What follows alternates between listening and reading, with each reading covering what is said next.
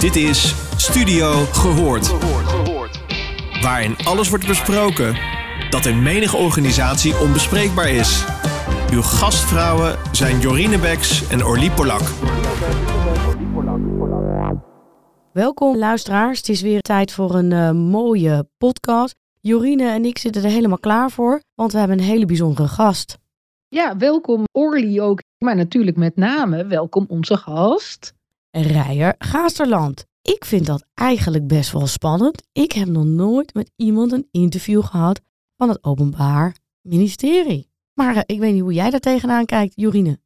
Nou ja, ik heb natuurlijk wel vaker gesproken. Ik vind het met name gewoon leuk. Ik heb enorm veel zin in, enorm zin in jouw visie te horen, Rij. Want volgens mij ga je ons ook gewoon heel veel dingen leren. Nou, de luisteraar weet helemaal niet wie je bent, dus we hebben een hele mooie introductie om de luisteraar een beetje bij te praten. Rijer is integriteitsprofessional in hart en nieren, heeft een studie recht, bestuur en management en jarenlang gewerkt als integrity officer bij het onderzoeks- en innovatieorganisatie TNO en bij integriteitsadvies- en onderzoeksbureau Bing. Nu is Rijer sinds een half jaar werkzaam als directeur van het bureau Integriteit van het Openbaar Ministerie. Ik vind het hartstikke leuk dat je er bent. En vandaag praten wij over het belang van een ethische functie in organisaties. Wat een mooi onderwerp. En waarom is ethiek zo belangrijk? Allereerst dank uh, voor de uitnodiging voor deze podcast. Ik vind het leuk om met jullie hierover in gesprek te gaan. Ja, en die eerste vraag, dat is gelijk een hele grote, complexe vraag in mijn ogen. Ik heb er natuurlijk ook even over zitten nadenken in de voorbereiding van het gesprek. En je krijgt ook een beetje een groot antwoord. Het korte antwoord is, ethiek leidt ons om het juiste te doen. Ik zal dat nog iets nader toelichten. Ethiek en moraal hangen samen. Moraal zijn de morele normen en waarden die door een individu, een groep, een organisatie of een cultuur als een belangrijke leidraad voor het eigen handelen worden gezien. En de systematische en kritische reflectie op de moraal is de ethiek. En die ethiek die biedt inspiratie en is een toets voor mensen in hun omgang met andere levende wezens in de natuur. En ja, vaak is er dan ook specifieke aandacht ergens voor, zoals bijvoorbeeld vrijheid, verantwoordelijkheid, eerlijkheid, rechtvaardigheid. En ook zorg voor psychologische veiligheid, waar deze podcast natuurlijk over gaat. En ik zie die psychologische veiligheid als een aspect van zorgethiek, een bijzondere stroming binnen de ethiek. En is dat ook meteen jouw interpretatie van ethiek? Want je komt natuurlijk met allemaal mooie definities. Ethiek is moraal. Het is het juiste doen. Wat is het juiste dan? Dat hangt dus deels van de omstandigheden af, gek genoeg. Al is daar natuurlijk ook al discussie over. Hè? De bekende discussie tussen universalisme en cultuurrelativisme. Dus er zijn dingen waarvan we als mensheid met elkaar zeggen, ja, die willen we echt niet. En er zijn dingen waarvan we zeggen, ja, dat hangt er een beetje vanaf in welke cultuur je bent en wat die cultuur daar ook over zegt. De universele rechten van de mensen bijvoorbeeld, daarin zijn nog een heel aantal dingen omschreven, waarvan we met elkaar als mensheid zeggen, ja, dat is de basis. Daar willen we eigenlijk geen concessies aan doen. Bijvoorbeeld dat je niet mensen zou moeten vermoorden. Maar als ik nee, op het werk ben, werk ik toch niet met universele rechten van de mens? Dan is ethiek in een organisatie toch kleiner dan dat? Of ga ik dan met mijn wapens naar het werk en zeggen: Hé hey Jorine, jij let nu even niet op. Ik ga je aanpakken. Ja, dus de vraag waarmee je begonnen, waarom is ethiek belangrijk? Daar krijg je ook een groot antwoord op. Maar wat natuurlijk in de praktijk gebeurt, is dat je die ethiek in allerlei situaties en omstandigheden meemaakt. En daar ook zelf uh, deel van uitmaakt. En één specifiek veld waarin ethiek belangrijk is, dat is het werkveld. Dus we hebben professionele ethiek, waar we ook verwachtingen hebben dat mensen zich op een bepaalde manier gedragen. Dus van een dokter verwacht je dat hij zich aan de eet van Hippocrates houdt bijvoorbeeld, hè, waarin hij zal beloven om zijn patiënten niet te schaden. Ook niet als hij misschien met jouw gezonde organen drie andere patiënten kan redden. Dan willen we toch niet zeg maar dat die dokter dat doet, want hij is er om jou beter te maken. Je koppelt dus ethiek meteen aan beroep of beroepsbelofte. Moet ik het zo zien? Nou, je kan op verschillende manieren natuurlijk naar verschillende onderdelen van ethiek kijken. En één werkveld van de ethiek, of één, aspect van ethiek, is het de ethiek in het werk. Professionele ethiek noemen ze dat ook wel. En die professionele ethiek, eh, dat is waar ik me in belangrijke mate ook mee bezighoud. Omdat het specifiek gaat over welke verwachtingen hebben we van mensen in hun werk. Hè, hoe verwachten we dat mensen zich gedragen in hun werk? En bij een organisatie als het Openbaar Ministerie of een organisatie als TNO heeft de werkgever ook specifieke verwachtingen en stelt ook eisen aan hoe medewerkers zich moeten opstellen in hun werk. En wat je aangeeft net hè, over dat opstellen in je werk, maar ook de omstandigheden. Dus wat je net als voorbeeld had over die arts en die patiënt, als je alleen dat stukje kijkt, denk je ja, nee, dat is nogal wiedes. Maar wat nu als er drie patiënten zijn. De ene patiënt waar het over gaat, waar je zegt, ja, die moet ik eigenlijk het leven redden, die is 82. En er zijn ook drie patiënten van, uh, nou, eentje in de 20, eentje jaar of 14, eentje begin 30. En wat is dan het juiste midden, zoals misschien Aristoteles zegt?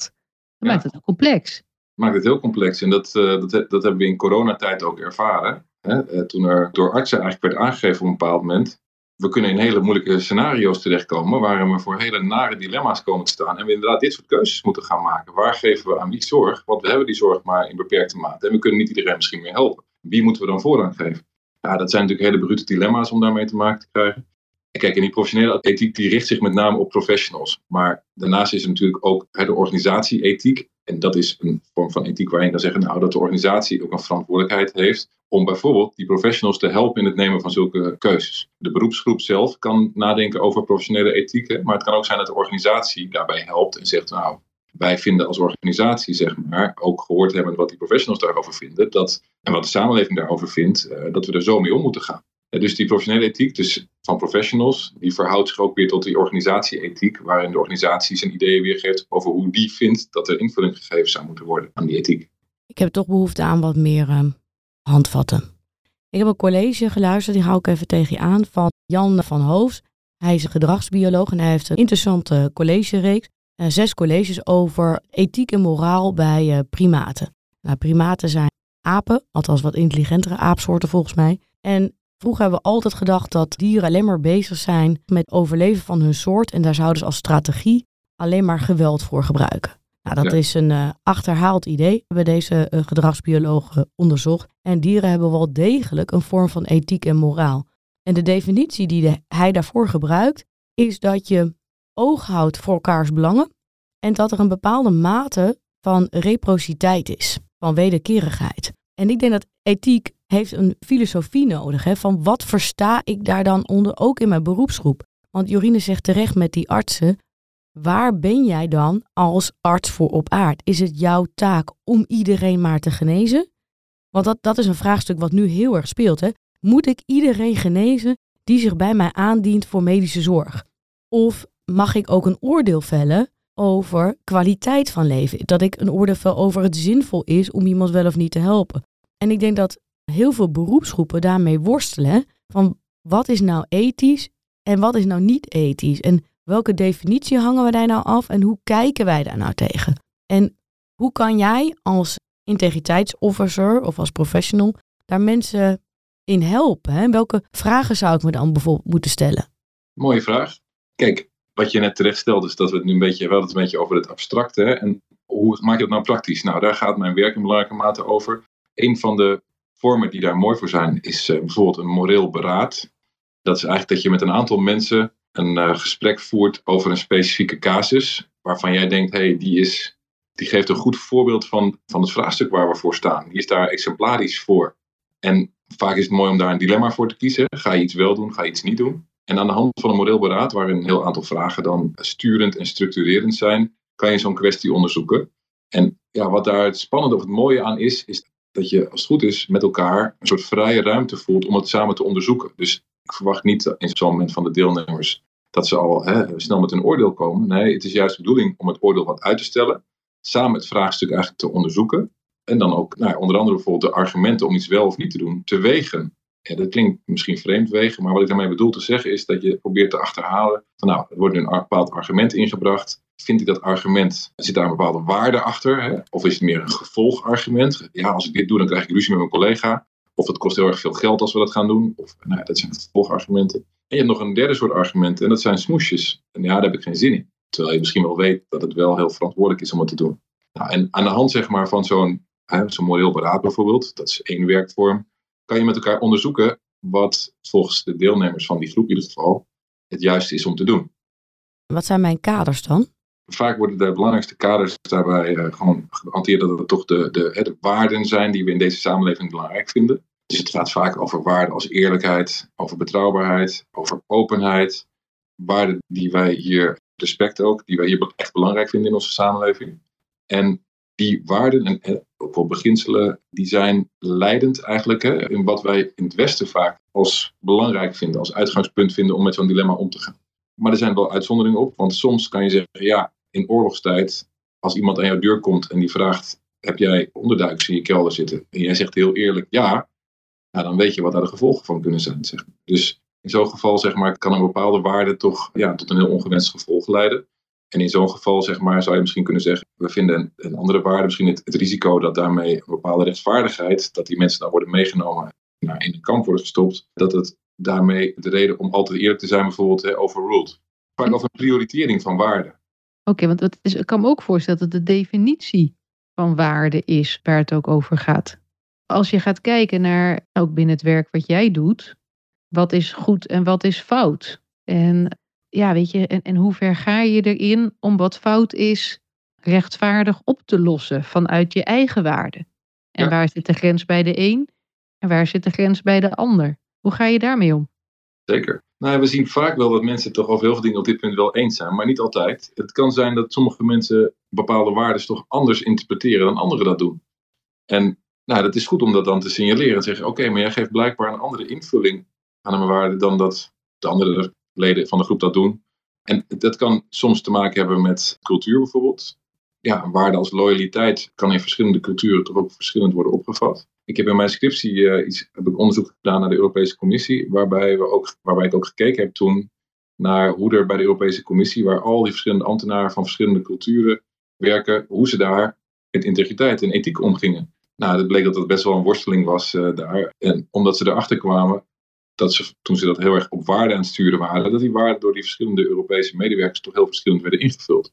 Toen hebben ze ervoor gekozen om het weer normatiever te maken. Dus weer duidelijker te maken door normen vast te stellen. Wij bedoelen met de norm de waarde eerlijkheid dat je je zo en zo gedraagt. Dus specifieker te worden, prescriptief, hè, voorschrijvend, wat er van mensen verwacht wordt. Om te voorkomen dus dat er te veel verschil zou ontstaan tussen hoe, de, hoe mensen die waarden interpreteren. En heeft dat geholpen? Ja, dat is een goede vraag. Daar zou ik eigenlijk een vervolgonderzoek naar moeten doen. Misschien een promotieonderzoek of zo. Ik weet, ik weet eerlijk gezegd niet of het uiteindelijk het gewenste effect heeft gehad. Ik denk wel dat normen vaak voor meer duidelijkheid zorgen.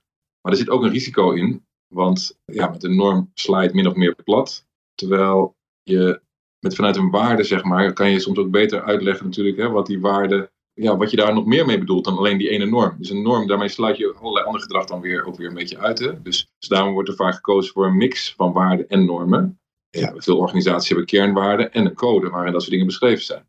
Maar zo'n code, ja, is prachtig als je die natuurlijk opstelt, maar als niemand hem leest, dan heb je er niet zoveel aan. Dus je moet echt je best doen als organisatie om te zorgen dat de mensen weten wat er in die code staat. Liefst doe je dat op een beetje een aantrekkelijke manier, hè, met uh, bijvoorbeeld gaming-achtige dingen of uh, met mooie gesprekken die je daarover organiseert, met, met stellingenkaarten. Nou, op allerlei verschillende manieren kan je dat doen. Om te zorgen dat die normatiek die jij als organisatie belangrijk vindt, of als beroepsgroep, dat die wel voldoende levend blijft bij de mensen in die organisatie. Ja, en ik heb toch wat moeite met je eerste voorbeeld. Hè? Dus in je eerste voorbeeld lijkt eerlijkheid een definitie te krijgen van dat je alles moet vertellen versus het redden van mensenlevens. Als je naar eerlijkheid kijkt, heb je enorme range van interpretaties over wat eerlijk is en wat niet eerlijk is. Als ik uh, bijvoorbeeld kijk naar uh, professor en psycholoog Arnold Mendel, die is de grondlegger van de procespsychologie, dan gaat eerlijkheid vooral over de gelijkheid in macht.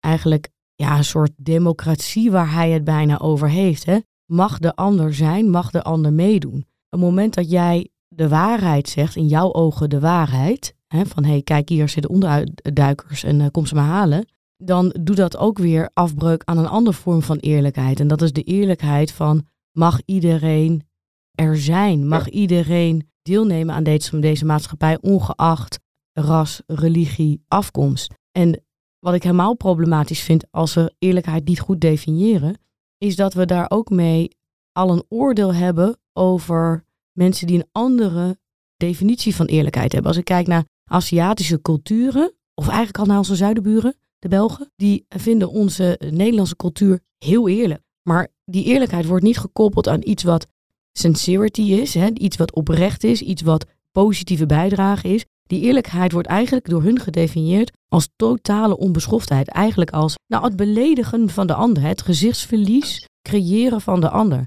En dat vind ik misschien ook het hele lastige met ethiek. Op het moment dat we ethische waarden claimen aan onze kernwaarden als organisatie, moeten we heel goed scherp hebben wat wij daar dan onder verstaan. Voor wie is die eerlijkheid? Is die eerlijkheid voor degene met de zeven vinkjes? Of is de eerlijkheid voor iedereen gelijk? Dus een strakke definitie kan me heel goed voorstellen. Bijna filosofische definitie is bijna minstens zo belangrijk als het inregelen van iets ethisch of moraal beraad. Ja, nee, dat ben ik met je eens. Kijk, je refereert nog even aan het voorbeeld wat ik net gebruikte. Ik gebruikte daar de waarde eerlijkheid als in eerlijk zeggen hoe iets zit. Maar je kan hem inderdaad ook nog breder zien. Dus ik heb er ook geen, geen definitie nog aangehangen. Maar dat je meer verbindt met bijvoorbeeld sociale rechtvaardigheid. Of mensen gelijke kansen krijgen in een samenleving. Dat is ook een vorm van eerlijkheid die mensen kunnen ervaren. Eerlijkheid is natuurlijk ook een emotie. Hè? En naast dat het een waarde is, is het ook een emotie die mensen kunnen ervaren. Net als bijvoorbeeld op veiligheid, waar veel van deze podcast over gaat. En de beleving daarvan, die is natuurlijk ook heel belangrijk. Die ervaren mensen, die voelen ze. En die emotionele kant van die waarde, ik denk dat we daar de laatste jaren wel meer aandacht voor krijgen met elkaar. Daarom hebben we ook nu veel meer discussies over hoe er in organisaties wordt omgegaan met mensen. De recente discussies over de wereld draait door. En nou, nu dan weer over, over wat er bij de NOS-sportredactie blijkbaar uh, gebeurt. Dat die emoties daarin ook meegewogen mogen worden. En dat die ook moreel kunnen zijn. Daar komt meer aandacht voor de laatste tijd. En heb je daar ook, als je gaat kijken naar je huidige functie, is dat ook waar je de meeste aandacht aan besteedt? Het is een mix van dingen waar je aandacht aan besteedt. Dus een van de dingen waar ik verantwoordelijk voor ben, is te zorgen dat er bij het Openbaar Ministerie, voor bij vorige werkgevers, goed functionerend integriteitssysteem of ethische functie is ingericht. Dat zijn ook, nou ja, deels dingen gewoon die over de bovenstroom gaan in organisaties, zo noem ik het maar. Dat je zorgt dat je vertrouwen op personen hebt die goed opgeleid zijn, dat er een goed meldpunt is, dat er een goede code is, dat er goed beleid is op allerlei punten.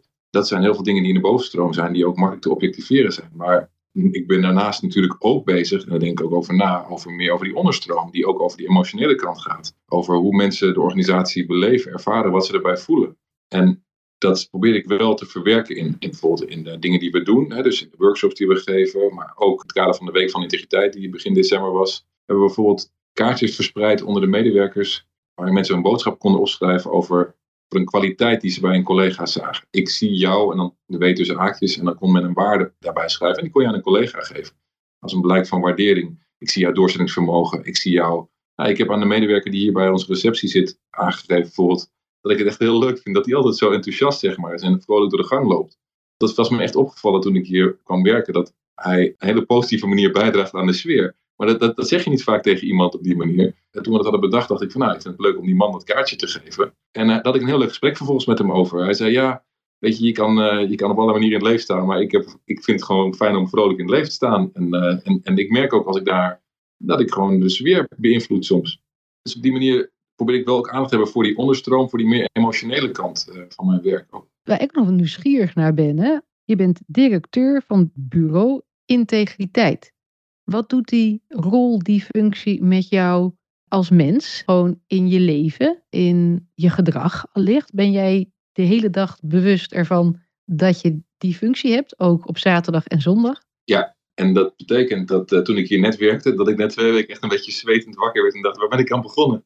Want ik bedoel, het OM is natuurlijk wel een organisatie die, nou, zo staat het ook op de website, die anderen de maat neemt. Namens de samenleving de verantwoordelijkheid heeft om mensen die van dingen verdacht worden aan te klagen. En ja, die mensen die zouden natuurlijk wel ook zelf van een hele hoge moraliteit moeten zijn, zich heel goed moeten gedragen, om die functie namens de maatschappij te mogen vervullen. En dan ben ik nog een keer de directeur van de club die daar dan dus over meedenkt over de, het ethisch besef van die organisatie. Ja, die voelde ik wel eventjes, zeg maar, eh, toen ik net begonnen was. En uh, daarvoor ook al wel hoor, maar uh, toch vind ik het een hele mooie, een mooie functie. Omdat ik denk dat het heel goed is dat het OM zo'n functie heeft ingesteld op enig moment. Die is niet altijd geweest. Dat zij zich ervan bewust zijn dat het verstandig is om daar een bepaalde systematiek bij te ontwikkelen. Van nou, we moeten er niet van uitgaan dat het vanzelf goed komt. Maar dat betekent wel dat ik daar in mijn leven ja, ook naar probeer te leven. En ja, dan komen gelijk, toen ik hier binnenkwam, ging het gelijk over mensen zeiden van ja, sinds ik bij het OM werk, loop ik niet meer door het rode licht. Omdat mensen daar blijkbaar van over nagedacht hebben. Ja, dat wil ik niet meer, hè, nu ik bij het OM werk. Want ik wil eigenlijk gewoon uh, ook op dat soort aspecten het goede doen. Dan moest ik wel even denken aan een, aan een serie van, uh, van over Buza, waar een, uh, een, minister van Buitenlandse Zaken door rood licht loopt en daarmee een, ongeval veroorzaakt met een nare afloop. Ja, dan, dan realiseer je inderdaad wel dat het gewoon ook bijvoorbeeld door rood licht lopen kan zo'n gevolg hebben. Maar ja, dan is wel weer gelijk een dilemma. Ik ben in Amsterdam opgegroeid, waar ik toen in ieder geval nog regelmatig door rood licht liep.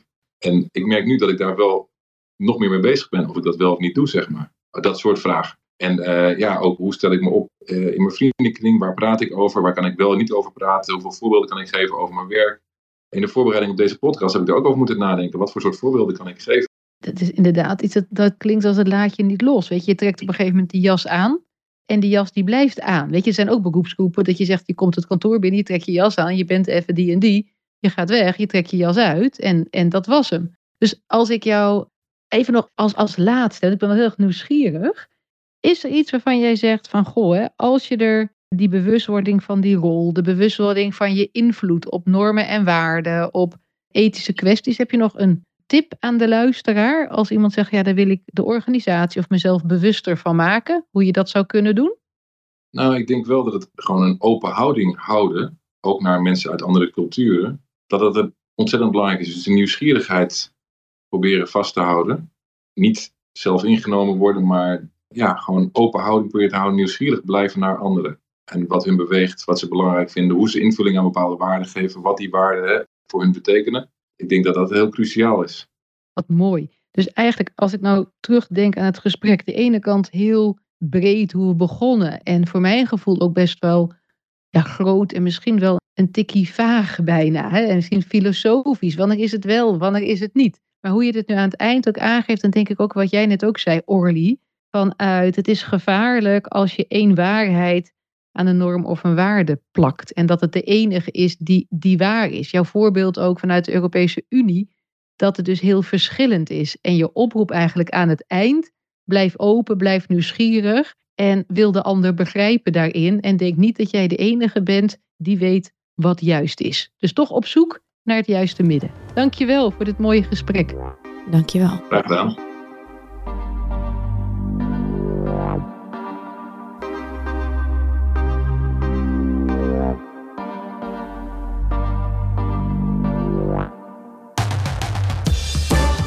Je luisterde naar Studio Gehoord. Vond je dit een leuke podcast? Laat dan een review achter bij jouw favoriete podcastplatform. Tot de volgende!